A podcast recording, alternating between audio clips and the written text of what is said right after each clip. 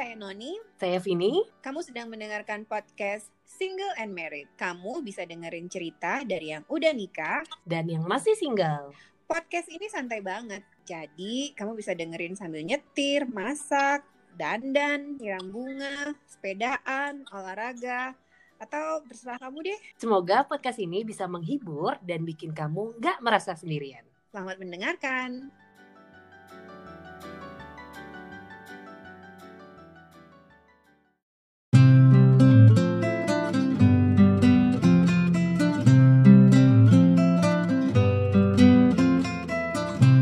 Halo teman-teman, ketemu lagi kita di podcast Single and Married. Hai Mbak Noni. Hai Vin. Hmm, kali ini kita akan ngobrolin topik yang dekat banget sama perempuan, bisa terjadi sama yang single, sama yang married, sama berbagai jenis usia ya Mbak Noni ya.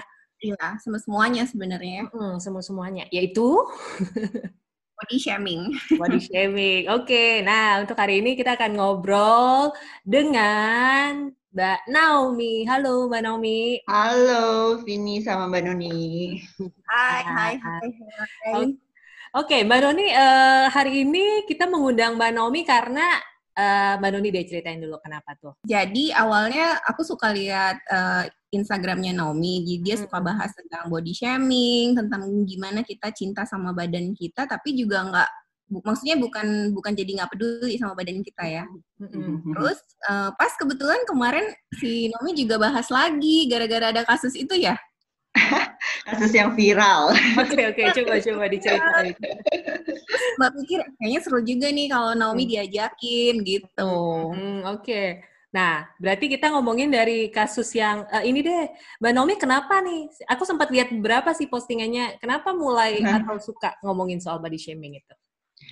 Uh, jadi karena memang aku kerja di klinik yang fokus ke body weight gitu, uh, kita tuh fokus pengen bikin orang tuh nggak cuman peduli sama nurunin badan tuh cuman soal kurus gitu, karena kan banyak kurus tapi nggak sehat gitu. Terus uh, kita pengen numbuhin bahwa orang tuh peduli sama badannya tuh karena dia sayang sama tubuhnya.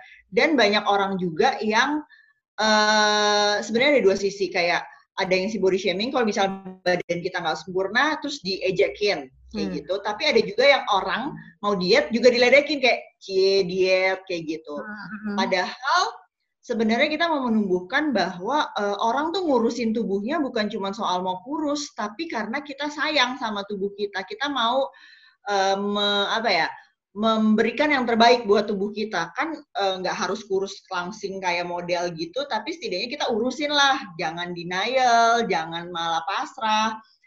Dengan juga tidak meng, apa ya, mengejek orang lain. Karena kan bentuk tubuh setiap orang beda. Ada orang yang sebenarnya uh, udah kurus tapi karena bentuk tubuhnya kayak gimana jadi kelihatannya tetap besar gitu. Dan hmm. orang akhirnya uh, suka memberikan standar tertentu buat orang lain. Makanya di Instagram tuh yang udah mengkhawatirkan kayak body goals dan ini tuh banyak uh, pasien-pasienku yang akhirnya uh, kena bully, terus akhirnya terlibat kayak gangguan makan karena ya itu tadi supaya body goals sesuai standar-standar di Instagram dan itu cukup mengkhawatirkan sih sekarang karena udah mulai dari kayak anak kelas 6 SD kayak gitu. Hmm. Kalau dulu kita lihat body goal itu kan lihatnya pragawati atau model ya jauh gitu kan. Iya, iya, iya. Kalau di Instagram tambah deket kan bisa jadi temen kita atau orang yang kita kenal. Bener, dan mereka tuh kayak jadi ngegeng-ngegeng gitu kalau uh, lo nggak mau melakukan hal yang sama kayak gue, body goals-nya langsung dibully gitu kan, dan itu kan kayak scary dan apalagi di zaman kayak uh, karantina kayak gini kan orang juga lagi heboh olahraga, dan yang diikutin kan uh, yang di YouTube itu tuh yang kayak badannya tuh benar-benar sempurna banget gitu loh. Mm-hmm. Jadi orang tuh lihatnya ke situ padahal kan uh, badan manusia tuh nggak selalu sesempurna itu dan yang kebanyakan justru yang ada stretch mark, yang perutnya buncit, terus yang uh, lemaknya banyak kayak gitu. Oh, jadi berawal dari ngelihat pasien-pasien di klinik itu ya, jadi kayak resah sendiri gitu. Iya benar karena semakin ke sini pasien-pasienku tuh semakin muda gitu. Kalau dulu tuh kayak SMA ah. ya wajar lah ya kalau SMA kan kita peduli bentuk tubuh ya wajar lah. Tapi kan kayak anak kelas 6 SD sampai masuk IGD karena dibully teman-temannya, di body shaming sama teman-teman itu kan kayak ah, cukup wow. mengkhawatirkan dan mereka semua tuh kayak jadi ada grupnya di Instagram gitu loh. Jadi kayak ada misalnya ada grup body goals di Instagram, mereka tuh kayak ikut. Terus ada grup, mereka bikin grup-grup dari Instagram gitu deh. Dan aku tuh kayak baru tahu jadinya. Kelas 6 S? Iya, dan mereka tuh bisa parah banget sih. Itu 6 SD yang bawa orang tuanya dong? Orang tuanya, karena badannya tiba-tiba anaknya menolak makan demi ngikutin temen-temennya kayak gitu-gitu dan ngelihat orang lain tuh kayak lo kok uh, kayak mereka tuh ngelihat kayak badanku nih aku kan gak kurus ya dan hmm. mereka ngeliatnya itu kayak gendut gitu loh. Jadi kayak mereka memang udah uh, ada gangguan namanya body dysmorphic. Jadi memang melihat uh, uh, dirinya sendiri itu udah gemuk terus menerus walaupun sebenarnya tidak gemuk gitu. Dan itu bahaya banget sebenarnya. Karena kan iya bahaya banget. ngeliat diri kita nggak kurus-kurus. Iya, ya kalau misalnya timbangannya nggak kurus-kurus kan ya masih wajar ya. Ini kan kayak udah kurus banget, tapi dia ngeliat dirinya tetap gemuk gitu. Itu parah makanya. Oh. Terus kalau yang sama anak-anak gitu eh, di klinik sendiri treatmentnya gimana dok? Apakah langsung treatment ke fisiknya atau psikologisnya dibantu dulu atau gimana? Kita uh, ke psikologisnya dulu karena nggak bisa langsung kalau kita langsung kayak kasih pola makan segala macam mereka akan semakin terobsesi dengan diet-dietan mm-hmm. gitu dan biasanya mereka kayak gitu ternyata karena modeling dari orang-orang dewasa di sekitarnya kayak biasanya orang tuanya tuh ternyata uh, suka diet yang parah atau enggak orang tuanya memang suka body shame anaknya gitu kita kan mhm. kadang-kadang karena orang tua kita jadi kita santai-santai aja kayak udah gendut loh kurusin dong nanti cowok nggak ada yang mau kayak gitu. Jadi orang tuanya tuh suka nyelutuk nyelutuk kayak gitu. Jadi di pikirannya bahwa oh iya dia harus kurus nih ngikutin orang tuanya gitu. Jadi uh, itu dia makanya aku sangat concern sama ini. Karena ya itu kita sebagai orang tua juga kadang-kadang uh, nggak memfilter apa yang kita omongin. Dan kita uh, nggak uh, berperilaku sehat juga di rumah. Kitanya diet berlebihan. Jadi anak-anak merasa itu sesuatu yang wajar dan karena orang tua juga ngatain dia kayak film uh, pernah nonton film Imperfect nggak? Hmm. Pernah pernah ya. pernah. Iya itu kan orang tuanya kritik-kritik terus hmm. jadi ya dia merasa hal seperti itu wajar jadi dia juga melihat orang lain ya kalau nggak sebagus itu tubuhnya ya dia bisa uh, bully orang lain juga gitu. Oh. Kalau hmm. gitu, yang case gitu, orang tuanya ikut di konseling dulu nggak sama kliniknya? Iya, orang tuanya pasti harus uh, pokoknya kalau dia di bawah umur di bawah uh. 17 tahun, orang tuanya tuh pasti uh, harus ikut konseling karena nggak mungkin ada perubahan di anaknya kalau orang tuanya tidak berubah. Hmm. Tapi gitu ternyata lebih bisa lebih defensif orang tuanya daripada anaknya. Mau disalahin ya. Iya, kayak ah tidak tuh. Iya, iya. Kalau dari uh, lingkungan sekitar, Mbak Naomi, hmm. atau mungkin ada ada pengalaman sendiri nggak sih soal body shaming, atau mungkin dari teman-teman di luar dari kerjaan? Uh, ya mungkin karena aku dari uh, dulu kurus, jadi aku uh, body shaming-nya tuh lebih ke tinggi badanku gitu, karena aku hmm. tinggi kan, gitu. Jadi aku tuh dari kecil tuh udah uh, jerapah loh, tiang listrik loh. Jadi karena mataku minus, aku dulu tuh kalau duduk di depan, aku tuh kayak ditimpukin dari belakang udah tinggi kok duduknya di depan sih kayak gitu. Jadi aku tuh selalu nggak pede dengan uh, tinggi badanku. Terus kayak kalau aku um, upacara bendera, aku tuh nggak pernah li- tahu di depan tuh upacara bendera kayak gimana, karena aku selalu, harus selalu di belakang. Kalau nggak diomelin sama temen-temenku, jadi aku sampai lulus SD SMP aku nggak tahu tuh di depan tuh ngapain gitu. Jadi dan itu membuat aku jadi sangat-sangat tidak pede karena aku ngerasa bahwa tinggi badanku ini uh, bentuk kekuranganku karena kan kayak perempuan-perempuan seumurku tuh nggak ada yang setinggi ini. Dan dulu waktu SD kan uh, perempuan lebih cepat uh, berkembang ya daripada cowok. Jadi aku tuh lebih tinggi juga dari cowok-cowok gitu. Jadi aku sangat minder. Gitu. Jadi uh, mamaku tuh salah satu orang yang concern. Karena menurut mamaku uh, aku harusnya bangga sama bentuk badanku yang tinggi ini karena nggak semua orang kayak gitu. Dia sampai kayak mau masukin aku model gitu supaya aku lebih pede gitu.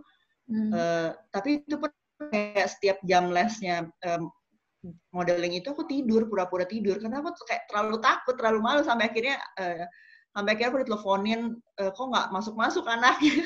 Terus akhirnya aku keluar aja.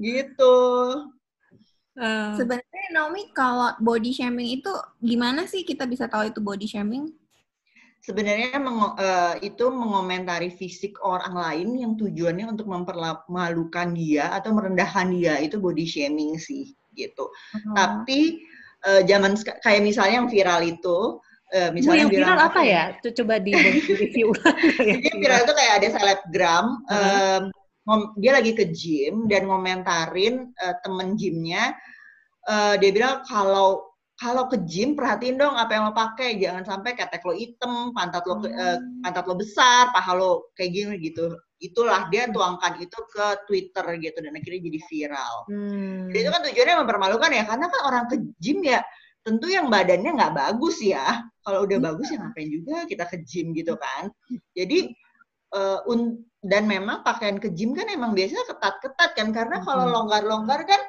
kita olahraganya juga keganggu sama baju kita. Jadi nggak mungkin juga dipakai kayak daster gitu. Dan makanya itu tujuannya mempermalukan dan um, dan itu kayaknya jadi viral gitu karena uh, ya itu cukup menyakitkan sih. Walaupun dia nggak nyebut nama sih, tapi uh, karena dia selebgram yang hampir 600 follow 600 ribu followers jadi membludak deh. Hmm. Ya nggak bagus juga sih emang ya ngejek-ngejek soal badan orang gitu ya di sosial media nggak usah di sosial media di grup kecil aja kayaknya nggak enak kan mm -mm. iya benar-benar yang kayak uh, apa ya kayak kalau badan kita kayak gigi hadid sih nggak apa-apa kali masih mending gitu kan ya tapi badannya juga nggak sempurna gitu tapi badan orang yang kayak si model-model itu cuma berapa persen kan di dunia? Iya, mungkin cuma satu persen, dua persen gitu dan maksudnya orang juga eh, nggak uh, tahu perjuangan mereka untuk mencapai badan kayak gitu kan siapa tahu emang makannya bagus gitu ya. terus olahraga tiap hari gitu jadi ada usahanya dan orang kan lihatnya instan-instan aja gitu hmm. Tapi kan jadi, uh, hmm? Ya, ya. Jadi tuh harus dibedain antara body shaming sama kadang kadang-kadang orang jadi akhirnya terlalu sensitif ketika nah. kita jadi ngomongin fisik, akhirnya mereka menyebut bahwa apa pun yang ngomongin fisik itu artinya body shaming. Padahal tidak selalu. Kadang-kadang kita misalnya, oh uh, bukan ngomong, tidak mungkin tone-nya harus lebih bagus, mungkin bahasanya harus lebih baik. Misalnya kita khawatir uh, orang-orang terdekat kita, misalnya dia sudah terlalu gemuk gitu, obesitas deh itu kan udah parah ya, maksudnya resiko penyakitnya banyak. Mungkin kita bisa kayak negur atau mungkin kita bisa um, ngajak dia untuk uh, ngatur pola makan bareng gitu. Tapi ya gitu itu di zaman sekarang karena sejak body shaming merebak itu akhirnya ngomongin fisik jadi dianggapnya semua body shaming gitu. Jadi uh, tugas kita jadi lebih berat lagi sih. Nah, benar-benar aku baru mau nanya itu. Sekarang kan dikit-dikit ngomongin fisik akan langsung dianggap body shaming, padahal bisa aja sebenarnya kita cuman ngomong dan tendensinya itu, misalnya kayak obesitas, kita mau yang kita ajak ngomong itu kurangin berat badan supaya nggak sakit gitu kan ya? Iya, nggak nggak harus yang kayak badannya apa perutnya rata atau singset atau gimana, enggak juga. Misalnya uh, uh, patokan kita adalah di BMI uh, Body Mass Index. Itu kalau di batas atas pun uh, itu udah sehat gitu. Jadi batas atas body mass index itu nggak harus selalu sempurna yang kurus langsing singset gitu gitu. Tapi ya gitu, kadang-kadang orang udah terlalu sensitif dengan ngomongin fisik. Jadi kira jadi ngerasa kita body shaming. Nah, orang-orang yang kayak gitu biasanya mungkin dia sebenarnya memang insecure dan tidak nyaman juga dengan bentuk tubuhnya dan merasa ini uh, sebenarnya tidak suka, tapi dia juga tidak tahu mau ngapain. Akhirnya dia merasa orang-orang selalu ngejudge dia dari fisiknya. Padahal kan nggak juga ya. Kadang-kadang karena kita care, kecuali kita nggak kenal dia terus kita ngomenin fisik ya bolehlah tersinggung lah gitu. Tapi mungkin ya itu tadi kita sebagai yang uh, yang care juga harus memperhatikan bahasa kita gitu. Kadang-kadang ya kalau udah deket kayak orang tua kan atau saudara kita juga gendut lu gajah lu kayak gitu kan. gitu. Kalau yang itu termasuk body shaming nggak? Soalnya kadang-kadang Mbak Noni suka ngomentarin suami juga loh. Sebenarnya body shaming sih, gitu. Sebenarnya body shaming kan. Tapi kan konteksnya karena kita sudah deket dan kita uh, sudah tahu dan dia juga mungkin tahu kita bercanda ya, bukan bermaksud kayak menyakiti. Kan ada ya maksudnya kalau kita dari kecil juga bercanda manggil teman kita nyet nyet nyet saking kita udah akrabnya kan gitu dan kita udah nggak tersinggung lagi gitu. Jadi uh, kalau misalnya kita sama-sama tahu bahwa itu adalah bahan bercandaan kita ya sebenarnya tidak apa-apa gitu. Kecuali ada salah satu yang tersinggung baru oh ternyata dia nggak suka digituin. Gitu. Hmm. Tapi dari pengalaman Naomi sejak uh, jadi rajin ngomongin ini di Instagram, ada nggak entah followernya atau teman-teman kamu tuh yang kayak tersinggung gitu? Ngapain sih ngomong gitu gitu? uh, ada nggak ya? Kayaknya sih ada sih kayak gitu. Jadi aku tuh selalu kalau bikin caption panjang karena aku selalu ingin menjel jadi aku harus menjelaskan bahwa enggak, enggak harus kurus gitu tuh. itu tuh yang harus aku notes gitu biar orang jadi nggak tersinggung gitu. Takutnya mereka salah mikir bahwa oh berarti yang Naomi pikir tuh body goals itu yang kayak harus uh, cantik, singset, sempurna kayak gitu. Jadi aku berkali-kali harus nggak nggak harus kurus, nggak harus langsing, nggak harus ini gitu hmm. supaya orang nggak tersinggung gitu. Memang kalau di sosmed ini tuh bener-bener aku tuh kayak harus mikirin kata-katanya tuh ini bakal ada tersinggung nggak ini. Jadi kadang-kadang suka aku edit lagi gitu.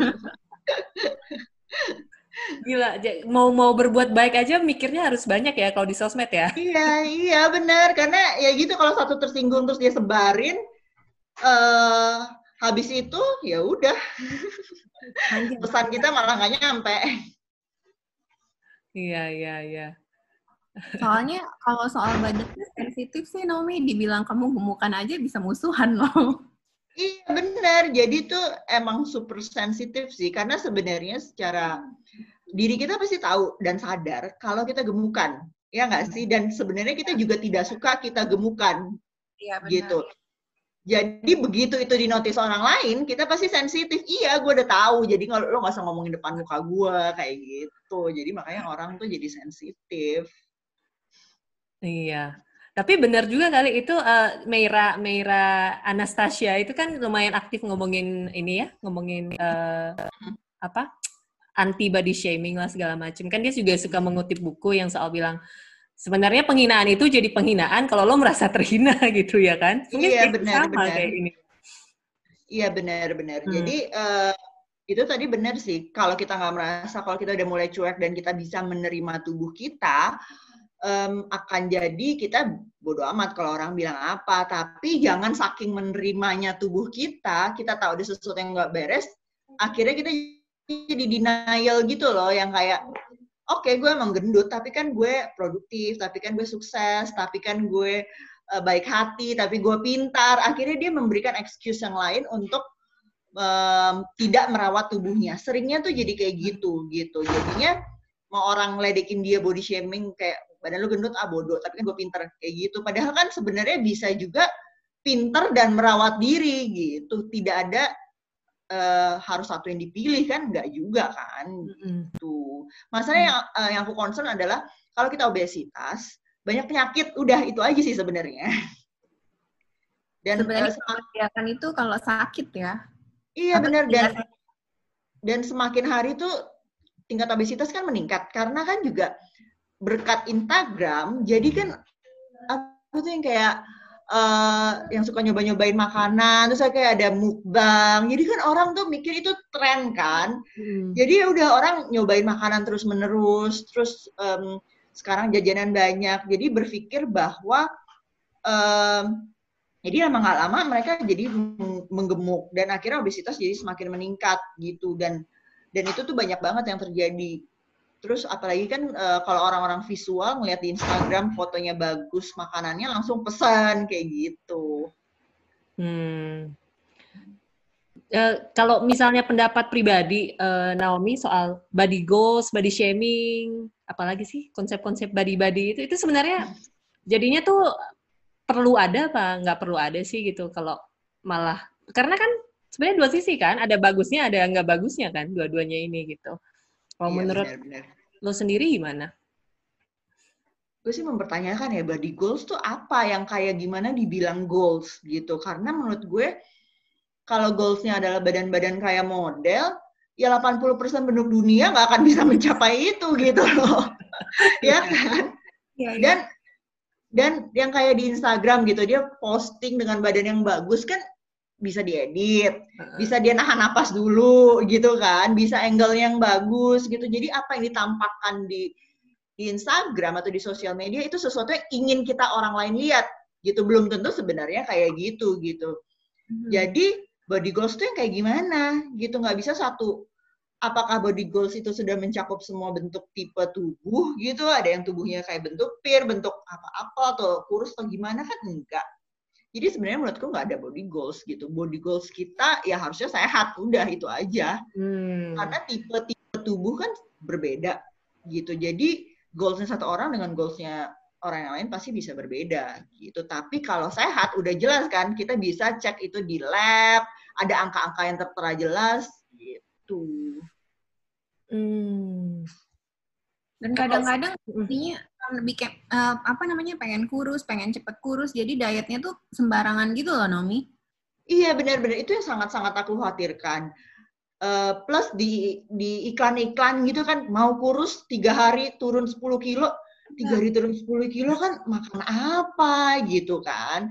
Jadi tuh aku selalu uh, pengen menekankan kita aja nambah berat badannya banyak, nggak nggak dalam tiga hari kan, setidaknya sebulan, dua bulan, tiga bulan. Jadi kalau mau nurunin pun ya harus selama kita naikin berat badan kita gitu. Jadi nggak mungkin tiga hari seminggu. Karena semakin kita cepat nurunin berat badan, semakin drastis turunnya, akan semakin drastis naiknya. Gitu. Karena mindset kita adalah kita akan strict uh, dengan durasi tertentu, misalnya strict dalam durasi uh, dua minggu, ketika mencapai dua minggu, yang kita lakukan biasanya apa? Celebration, karena misalnya berat badan kita akhirnya turun nih 5 kilo. Celebration, akhirnya kita makan makanan yang banyak yang kita nggak bisa makan sebelumnya. Gitu. Akhirnya nambah, pas jadi balas dendam, naiknya lebih banyak. Gitu. Karena kita makannya nggak, karena kita yang ngerasa itu tuh sebuah pembatasan. Gitu. Jadinya makanya aku selalu menekankan, makan tuh boleh, makan apa aja, cuman lebih mindful aja kita butuh nggak makanan ini sekarang? Butuh nggak sih kita makan pizzanya satu loyang? Siapa tahu kita satu slice aja udah cukup. Gitu. Makanya aku selalu bilang kalau makan jangan sambil emosi. Kadang-kadang kita lagi emosi. Sering nih kayaknya kita. Iya kan? Distraksinya adalah makanan. Jadi kita nggak kita mikirin pokoknya gimana emosinya turun dulu akhirnya makannya jadi satu loyang pizza sendirian gitu padahal nggak dilarang uh, aku selalu bilang bahwa tidak ada makanan yang buruk gitu. Semua makanan yang baik-baik aja tidak ada makanan yang bikin gendut. Yang bikin gendut adalah kamu makannya kebanyakan. Iya, bener. Iya kan? Gitu. Jadi ya itu tadi uh, nggak usah kayak orang tuh kadang-kadang mikir kayak aku sekarang lagi jaga pola makanku karena uh, semakin naik ya selama PSBB. uh, eh, aku, selalu nunjukin bahwa aku tetap makan nasi, aku tetap ngemil, tapi ya berarti aku ngemilnya, aku tetap ngemil kayak makaroni lah, apalah, tapi nggak yang sebanyak dulu gitu. Nasi pun kalau aku ngerasa sudah kenyang ya sudah gitu, karena itu tadi aku pernah tidak makan nasi dan akhirnya aku lemes, pusing, nggak gampang emosian. Jadi pas gampang emosian aku pikirin lah aku harus makan yang banyak. itu jadi menurutku sih yang makan yang normal-normal aja lah asal mindful asal kita tahu apa yang dimakan asal ya secukupnya gitu hmm. jadi kalau kalau kayak gini bisa nggak sih kita sepakati bahwa body shaming itu sesuatu yang tidak boleh dilakukan sama sekali gitu sebenarnya Iya, betul. Kalau tujuannya adalah untuk merendahkan atau mempermalukan orang itu ya, gitu. hmm. gitu. Ya, namanya body shaming pasti untuk ya, mempermalukan lah ya. Nggak mungkin, nggak mungkin untuk kayak mengencourage atau apa gitu. Enggak lah gitu. Buat apa komentarin fisik? Jangan-jangan dia juga lagi struggle untuk membuat fisiknya lebih baik gitu. Dan kita nggak tahu efeknya ke dia kayak gimana kan. Kalau dia jadi lebih stres, lebih depresi, kita sih enak gitu. Maksudnya kita ngucapinnya kadang-kadang nggak mikir juga kan kayak kalau jerawatan sih kayak gitu. Padahal sebenarnya kayak dia udah usaha mati-matian ke dokter ini ke dokter itu untuk uh, nurunin apa untuk ngilangin jerawatnya. Ternyata masalahnya ada hormon gitu dan itu susah gitu. Kan kita nggak tahu struggle-nya dia juga sama kayak ditanya kenapa sih lo nggak hamil-hamil gitu kan kayak menyakitkan gitu karena dia nggak tahu perjuangan kita yang udah mau mungkin lebih mati-matian daripada dia gitu. Hmm. Ya benar. Tapi sebenarnya boleh mengingatkan. Mengingatkan boleh harus. Kalau ya mengingatkannya orang-orang terdekat aja kali ya, nggak out of nowhere kayak lu gendut deh. kayak orang-orang terdekat karena dia pasti lebih lebih tahu kita orangnya seperti apa dan um, dan juga pasti lebih mau mendengarkan kita gitu. Kalau orang yang nggak kita kenal ya better mungkin nggak ngomongin fisik kali ya gitu. Ya. Mm-hmm. Karena kan ke yang yang bikin jelek kan itu jadi kayak apa basa-basi kan kan sempat ada iya, iya, iya. hei kamu kurusan kamu gendutan gitu kan Iya, terus kayak uh, awkward. Wah, gue habis diet tiga bulan gitu. iya, makanya. Hmm. Oke, okay. nah kalau kita oke okay, kita sepakati body shaming nggak boleh dilakukan. Nah balik lagi tadi kalau ke body goals, mumpung Naomi ini kerja di klinik dan punya mungkin pengetahuan dari segi yang uh, medis gitu ya. Sebenarnya untuk let's say body goalsnya adalah sehat gitu. Nah kita kita nih harus mulai dari mana kalau kita mau mengecek sejauh mana badan kita sehat, terus apa yang harus dilakukan kalau ternyata kita nggak sehat atau apa gitu. Oke, okay. kalau kalau aku biasanya berdasarkan BMI body mass index. Uh, bisa dicek sih di Google tuh BMI uh, eh, ngitungnya gimana. BMI yang sehat itu yang uh, range-nya 18,5 sampai kalau nggak salah 22,9. Itu hmm. uh, body BMI yang sehat gitu. Entah kita mau di range bawah, di range atas, di range tengah, pokoknya itu sehat. Di bawah itu underweight, udah nggak sehat karena dia uh, biasanya kekurangan gizi. Di atas itu ada obesitas satu, obesitas dua gitu. Dan biasanya kita ke pasien pokoknya eh, BMI yang sehat mau di 22,9 tuh di ujung antara um, normal dan overweight itu nggak apa-apa gitu. Terus habis itu biasanya kita cek lagi um, kayak karena kayak aku aku aku BMI-nya uh, eh, normal tapi ternyata kayak metabolic age-nya itu uh, lebih tua dari umurku. Aku tuh waktu itu sempat sampai 38, umurku 35 gitu. Hmm. Ternyata kayak lemakku berlebihan, udah tidak sehat lagi lemaknya. Karena lemak wanita yang sehat kalau nggak salah sampai 30 persen.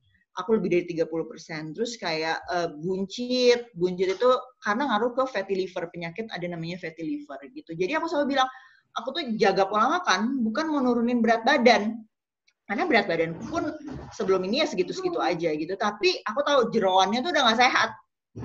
Gitu karena berasa aku berasa banget sih kalau kayak jalan ngos-ngosan kayak cepet capek cepet lemes terus udah gitu uh, gampang moodnya naik turun kayak gitu. Nah aku tahu tuh uh, biasanya ada sesuatu yang gak sehat. Nah yang paling utama adalah sebenarnya jaga pola makan. Apalagi semakin tua pasti kan metabolisme kita semakin melambat ya. Kalau dulu mah mau makan uh, eh, KFC sebakul juga nggak naik-naik gitu ya.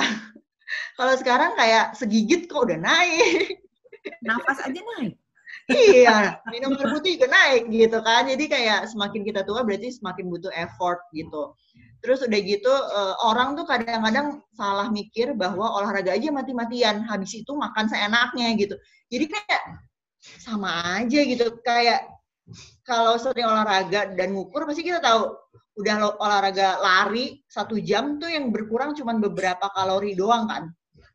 Gitu jadi tuh uh, tetap maksudnya kurangnya pasti nggak banyak kalorinya. Jadi sebenarnya tuh atur pola makan 80% tuh dari atur pola makan 20% dari uh, olahraga untuk membantu um, pembakaran uh, lemak kita gitu. Jadi kalau olahraganya kuat tapi nggak atur pola makan kan sayang gitu jadinya. Iya, Jadi iya. semuanya itu harus seimbang. Tapi yang penting harus tetap mindful sih, aware sama apa yang mau kita capai. Kita mau mencapai sesuatu yang sehat atau nggak sehat, jangan terus motivasinya apa? Motivasinya udah bener atau nggak bener gitu. Soalnya sering kali motivasinya udah nggak baik gitu. Yang kayak ngikutin orang lain atau nggak demi diterima di suatu perkumpulan dan itu banyak kayak gitu sekarang. Hmm. Mbak Noni nggak tahu loh kalau sampai ada perkumpulan-perkumpulan kayak gitu. Bahkan untuk anak-anak gitu. Anak-anak kan Iya. Iya, anak makanya itu tuh parah banget sih sekarang emang um, bahwa ada perkumpulan kayak gitu, terus mereka bisa benar-benar dibully, dijauhin di dari teman-temannya. Jadi mereka tuh kayak harus bawa satu tempat makan isinya tuh sama Terus udah gitu mereka harus sama-sama muntahin setelah makan barengan. Iya kayak gitu. Itu di sekolah-sekolah sekarang banyak terjadi hal seperti itu. Ini SMP SMA ya? Uh, eh, SMP waktu itu. Oh. Jadi wow. itu tuh kayak beberapa kali ada yang kasus kayak gitu. Jadi tuh dan mereka karena namanya anak kecil gitu ya dan akses kita ke internet kan sekarang gampang gitu. Jadi mereka tuh kayak googling aja di internet kalau mau kurus harus apa, dietnya berapa kali. Jadi kita aja sebagai klinik gitu nggak pernah nyaranin uh, bener-bener kayak strict sampai berapa kalori doang gitu. Mereka tuh bisa makan dalam sehari cuma 500 kalori. Itu tuh kadang-kadang kan kita makan aja 500 kalori satu kali ya. Ini satu hari gitu. Jadi mereka benar-benar cuma makan kayak apa ya sayur yang dikit kayak gitu. Jadi itu benar-benar kayak mengkhawatirkan sih. Soalnya di YouTube banyak sih kayak gitu Nomi terus oh, ada gitu ya? Iya 14 hari bisa turun 10 kilo. Diet diet gitu Mbak Noni iya iya iya oh. Plus ada olahraga-olahraganya juga. Jadi misalnya olahraga 10 hari uh, bisa hilang 10 kilo dijamin pakai gitu lagi. Nah, makanya itu itu serem banget dan maksudnya tuh kayak uh, sekarang kan yang lagi booming kayak drama Korea. Artis-artis drama Korea tuh makannya semua kayak gitu. Makanya kan kayak kecil-kecil banget kan badannya kan. Tapi mungkin kan badannya mereka juga kecil ya. Iya, aslinya kecil ya. Mungkin ya. tapi maksudnya mungkin mereka kurus-kurus banget sih dan dan kita tuh jadi kayak ngikutin mentah-mentah aja. Oh ya mereka makannya secuil ya udah kita secuil dengan habis itu udah makannya secuil olahraganya banyak gila. Itu tuh bener-bener kadang-kadang makanya mereka bilang mereka sampai nggak mau ketemu temen-temennya. Udah karena udah nggak punya energi mereka maunya mengurung diri di kamar kayak gitu kayak malu kayak gitu soalnya kan kayak Penoni gitu kan mungkin kan ada bentuk-bentuk tubuh orang ya. Hmm. Itu selalu bilang kamu tuh nggak bakalan bisa kelihatan kurus kak, karena kakinya ke bawah tuh bentuknya gede, jadi yeah. kelihatan kecil. Hmm. Bawahnya kelihatan besar, walaupun uh, misalnya timbangannya turun. Iya benar-benar ada orang-orang kan maksudnya bentuk badan orang beda-beda. Ada yang mau udah kurus juga ya bentuknya begitu nggak bisa diapain lagi. Ada yang misalnya kayak rahangnya gede, jadi mau kurus juga nggak yang kayak masuk ke dalam gitu kan. Jadi tetap kelihatannya mungkin gede gitu. Tapi kan ya itu yang yang banyak tidak disadari orang bahwa bentuk tubuh kita berbeda dan efeknya juga berbeda-beda. Jadi nggak bisa disamain. Mau dietnya sama belum tentu juga efeknya sama gitu. Hmm. Itu bisa ke mana-mana sebenarnya Naomi ya. Bisa, bisa bikin bisa. orang juga uh, mau operasi dan segala macam ya. Iya iya benar benar benar banyak sih. Oke, balik ke yang klinis tadi, eh klinik tadi ada nggak pasien yang ditolak gitu gara-gara, maksudnya eh, nggak uh, match gitu tujuan pasiennya sama yang ingin dilakukan kliniknya gitu?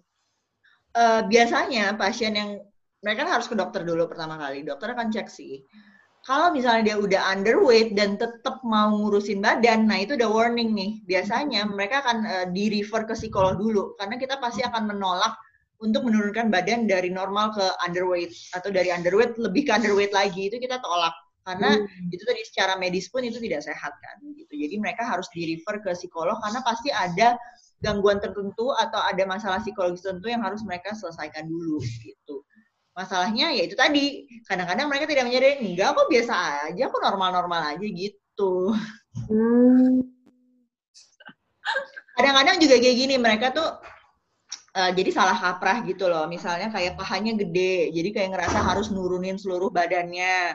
Padahal kan ya kalau area paha aja berarti kan bisa entah harus olahraga kah atau harus apakah kayak gitu. Jadi mereka mikirnya kalau selama pahanya masih gede mereka belum kurus padahal yang lainnya udah kurus kayak gitu. Padahal mungkin tipe badannya ya pahanya gede gitu kali.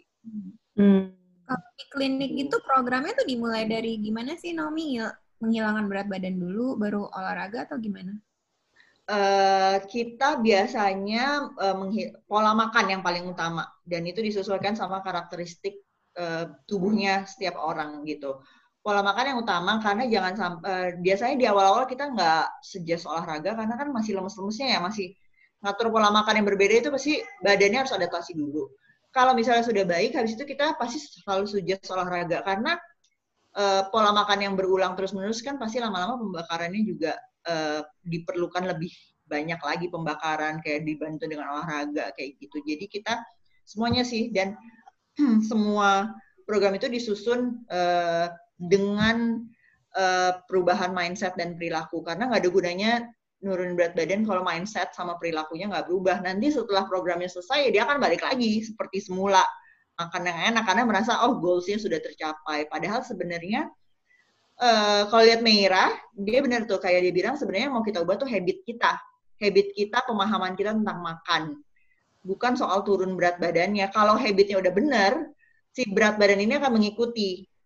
Gitu. Tapi kalau habitnya belum benar ya kita cuma ngerubah sebentar habis itu dia akan balik lagi gitu. Ini kita cuma ngomongin soal berat badan, padahal body shaming nggak cuma itu doang ya? Ya benar-benar body shaming sih ada ada banyak ya kayak apa jerawat lah, apalah. Kalau dulu aku tinggi badan.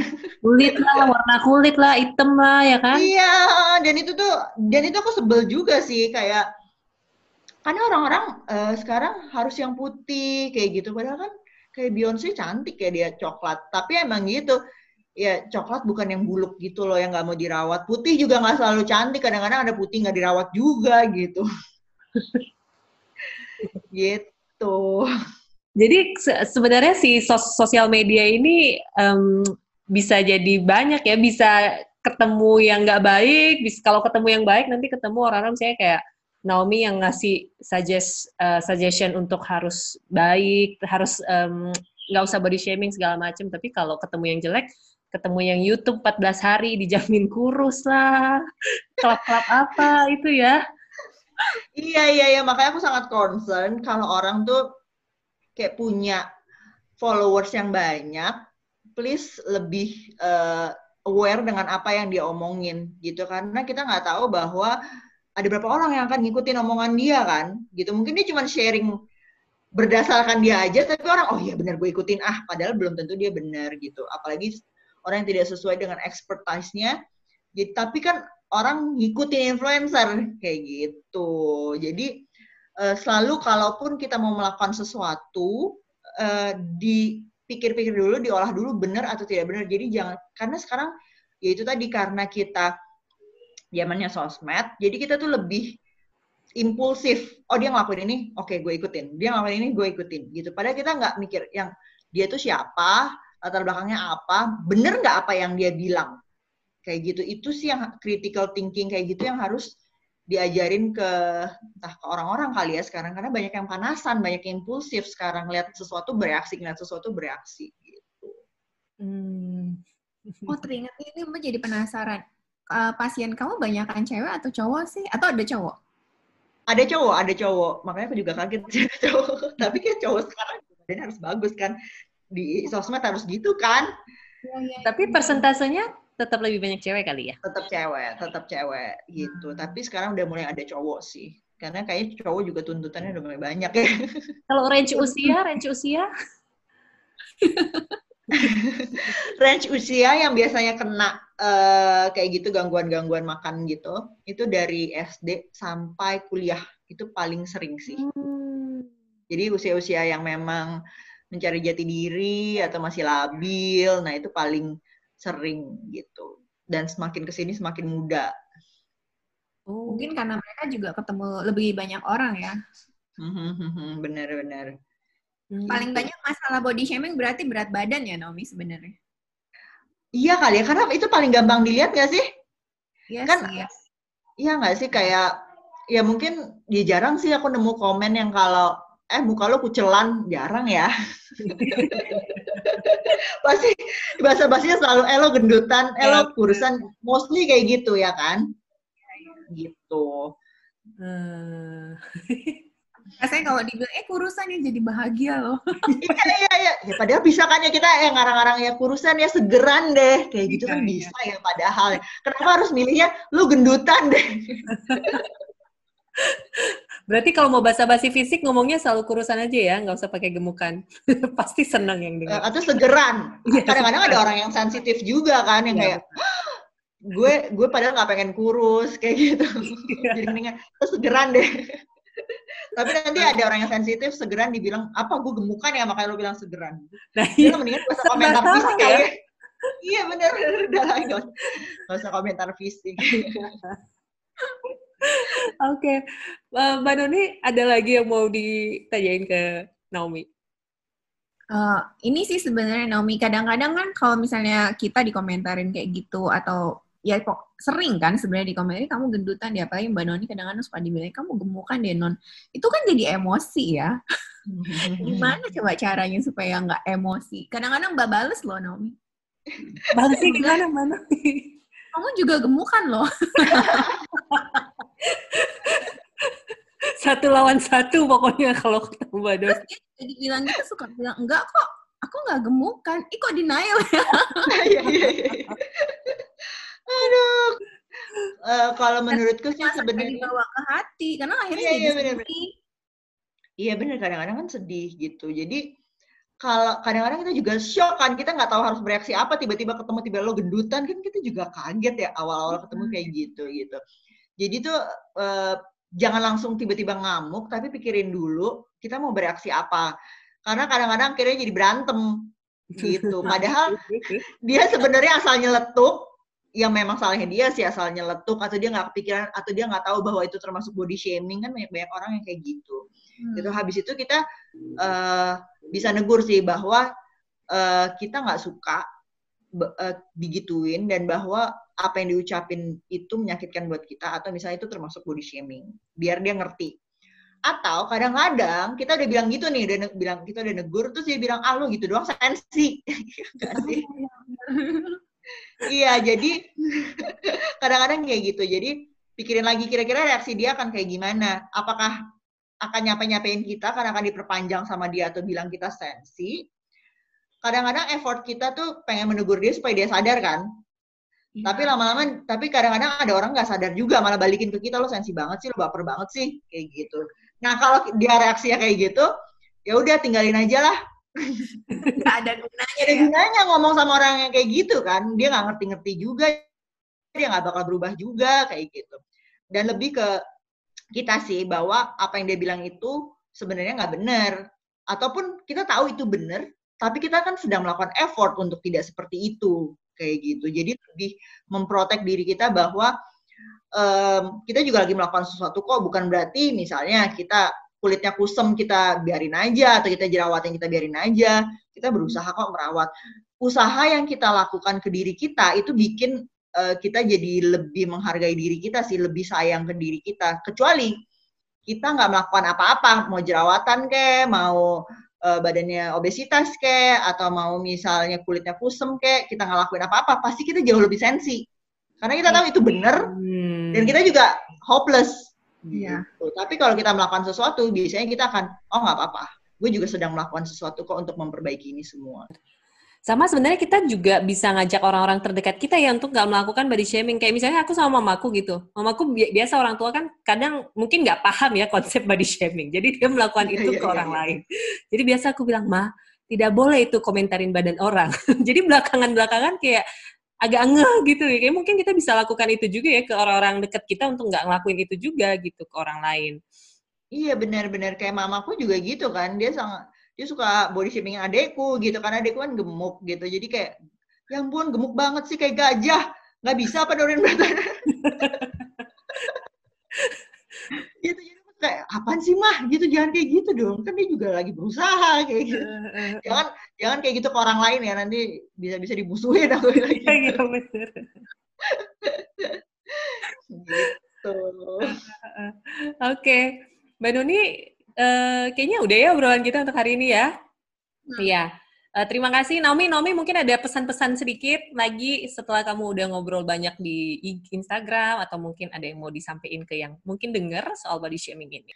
Oke, okay, yang pertama uh, kalau kita nggak kenal deket dan kita nggak tahu orang gimana, nggak usah basa-basi pakai uh, ngomongin fisik gitu. Karena kita nggak tahu keadaan psikologis orang itu kayak gimana, usahanya dia kayak gimana mungkin kita bisa cari bahasa basi yang lebih netral, misalnya apa kabar, gimana hari ini, kayak gitu. Jadi jangan langsung nyosor ke tubuh walaupun kita melihat ada perubahan di tubuhnya dia.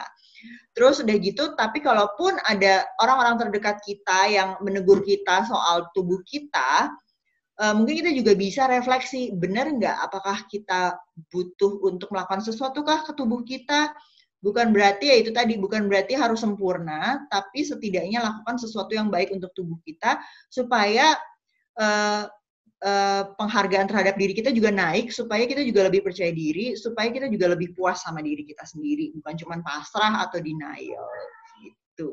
Mm-hmm. Oke, okay.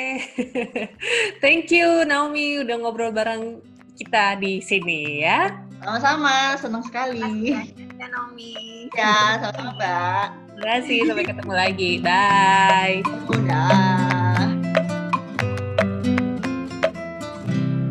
Oke, itu dia obrolan kami bertiga dengan Naomi yang seru banget. Ternyata kalau bahas body shaming hampir semua orang, bukan hampir ya, Iya bener ya, hampir semua orang pernah mengalami. Hampir sih, iya. Semua orang mungkin pernah ya, mungkin skalanya aja beda-beda.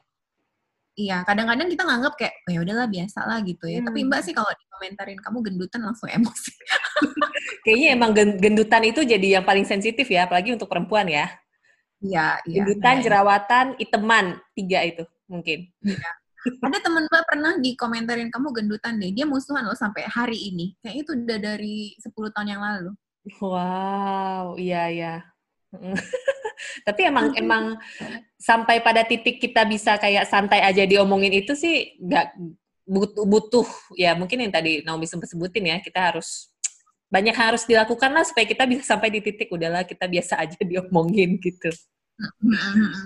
Dan benar juga sih kalau misalnya kamu butuh bantuan misalnya kayak mau ngurusin badan atau apa tadi ya butuh bantuan psikolog, mungkin bener kayak Naomi bilang ya datanglah ke ke kayak ke mana namanya ke kliniknya dia gitu. Jadi hmm. bisa dilihat dengan bener ya, nggak cuma sembarangan kayak diikutin YouTube 14 hari turun 10 kilo. Nah, bener-bener YouTube iya itu juga sih ya kan sekarang banyak itu kita ngomongin YouTube belum di Instagram mbak jualan-jualan entah minuman apa ya kan yang kurus iya, dalam iya, 30 hari oh, gitu, gitu. diet buah apa gitu-gitu ya? Hmm. ya benar sih. Kalau ada yang maksudnya kalau ada yang obat-obatan gitu kan agak ngeri ya. Kalau olahraga mungkin ya efek terburuknya paling badan sakit tapi nggak nggak turun gitu berat badannya. Tapi kalau udah makanan minuman kan bahaya ya.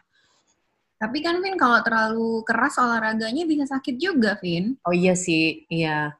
Ya iya, kan? bener. bisa cedera atau apa ya eh, bahaya lah pokoknya ya kalau sembarangan sebenarnya. Iya. Jadi kan intinya sih sebenarnya mau kalau kita ngomongin masalahnya adalah gemuk ya, mau turun berat badan boleh, tapi mungkin kayak yang tadi Naomi bilang ya, orang mau naikin berat badan aja nggak bisa dalam tiga hari atau tujuh hari gitu, sama aja orang turunin badan juga nggak bisa sesingkat itu. Ya, itu logikanya sih ya. Mm, mm, mm, mm. Oke, okay.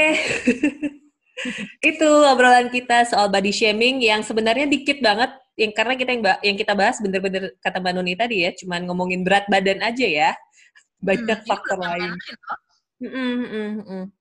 Ya udah, mungkin lain, lain kali kita bisa bahas dari uh, body shaming untuk sektor yang lain.